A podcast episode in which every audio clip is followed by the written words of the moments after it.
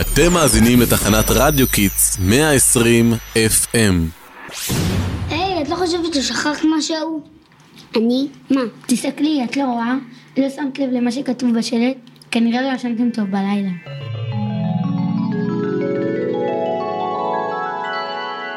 חבר'ה, תירגעו, לנשום עמוק. אני מבין שאתם מתרגשים מהביקור הראשון שלנו ב... זה סוד, אל תגלה. טוב, אפשר להיכנס כבר סוף סוף? אמ, רגע, תסדרי פה. זהו, את נראית מכובדת מאוד. מוכנים, קדימה, נכנסים. זהו. זה יפה פה, אף פעם לא הייתי בכנסת. רגע, נריה, איפה האולפן שלנו? הנה הוא ממש כאן, ליד יציע הציבור. אפשר להתחיל? שלום רב לכל המאזינים שלנו. אנחנו כתבורנים מדעיים משדרים מתחנת רדיו קידס. הרדיו שמשדר על הגל שלכם. והיום אנחנו בשידור מיוחד, הישר ממשכן הכנסת בירושלים. יישארו איתנו, זה שידור שלא כדאי לפספס. מה אנחנו עושים פה בעצם? מה, כבר שכחת? היום באנו לכאן כדי לספר למאזינים שלנו על קורות חייו של הרב חיים מאיר דרוקמן, זיכרונו לברכה. הרב דרוקמן, אמ, יש לי הרגשה שהתבלבלת, כנראה שהתכוונת בית כנסת. ממש לא. תדע לך שהרב דרוקמן היה חבר כנסת במשך שנים. אולי נתחיל מההתחלה. מי זה בדיוק הרב דרוקמן? אמ, ובכן, הרב חיים מאיר דרוקמן שנולד ב-15 לנובמבר 1932 היה רב ישראלי, מנחה פוליטיקאי ומנהיג ציבור ציוני דתי.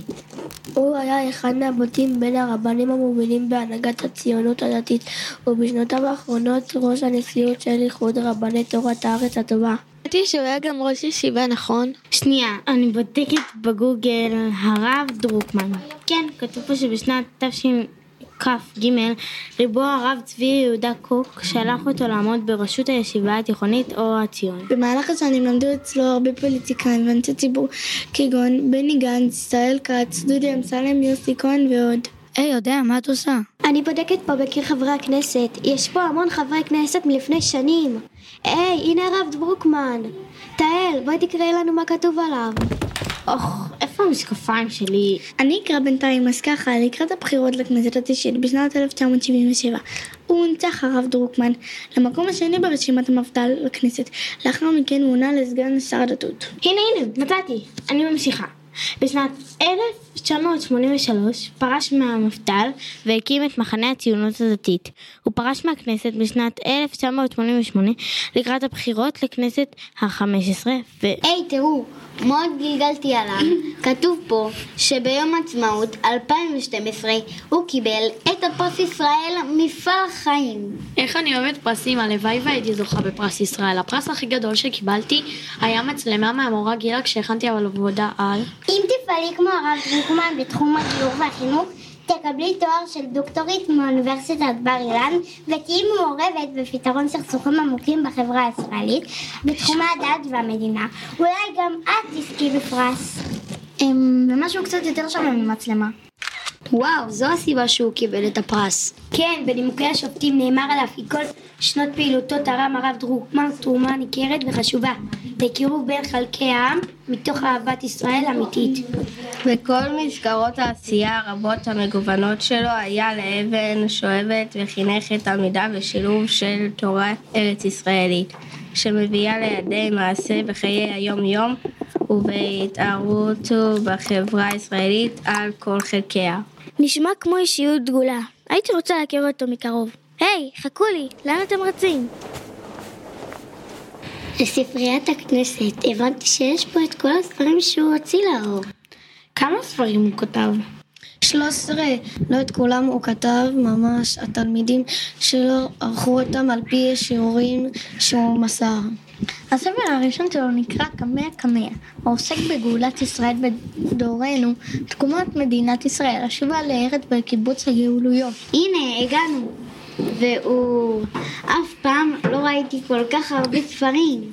ששש, זה ספרייה, שכחת? סליחה, סליחה, לא הצלחתי להתאפק, אני חייבת תמונה לאינסטגרם, תחייכו. טוב, חבר'ה, מתחילים להיות מאוחר, שלא נגיע יפים לשידור של מחר. יאללה, בואו נארוז את הציוד. יאללה, זזים. אוי, שפע המשקפיים שלי. שוב? כמעט דרכת לי. הנה שמצאתי אותם, הנה תראו, מצאתי בעוד קטע קצר שמספר על הרב. הרב דרוקמן נמנה עם תלמידיו המובהקים של הרבי צבי יהודה קוק. לאחר פטירתו זוהה עם ממשיכו בראשות ישיבת מרכז הרב. הרב אברהם אלקנה שפירא שראה בו כממשיך דרכו.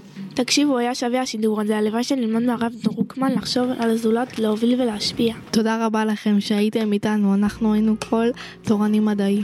לא לשכוח לעקוב אחרינו ברשתות החברתיות. והי, גם לא נשכח את המשקפיים, שתוכלו לחפש באפליקציה את הפודקאסט הבא שלנו.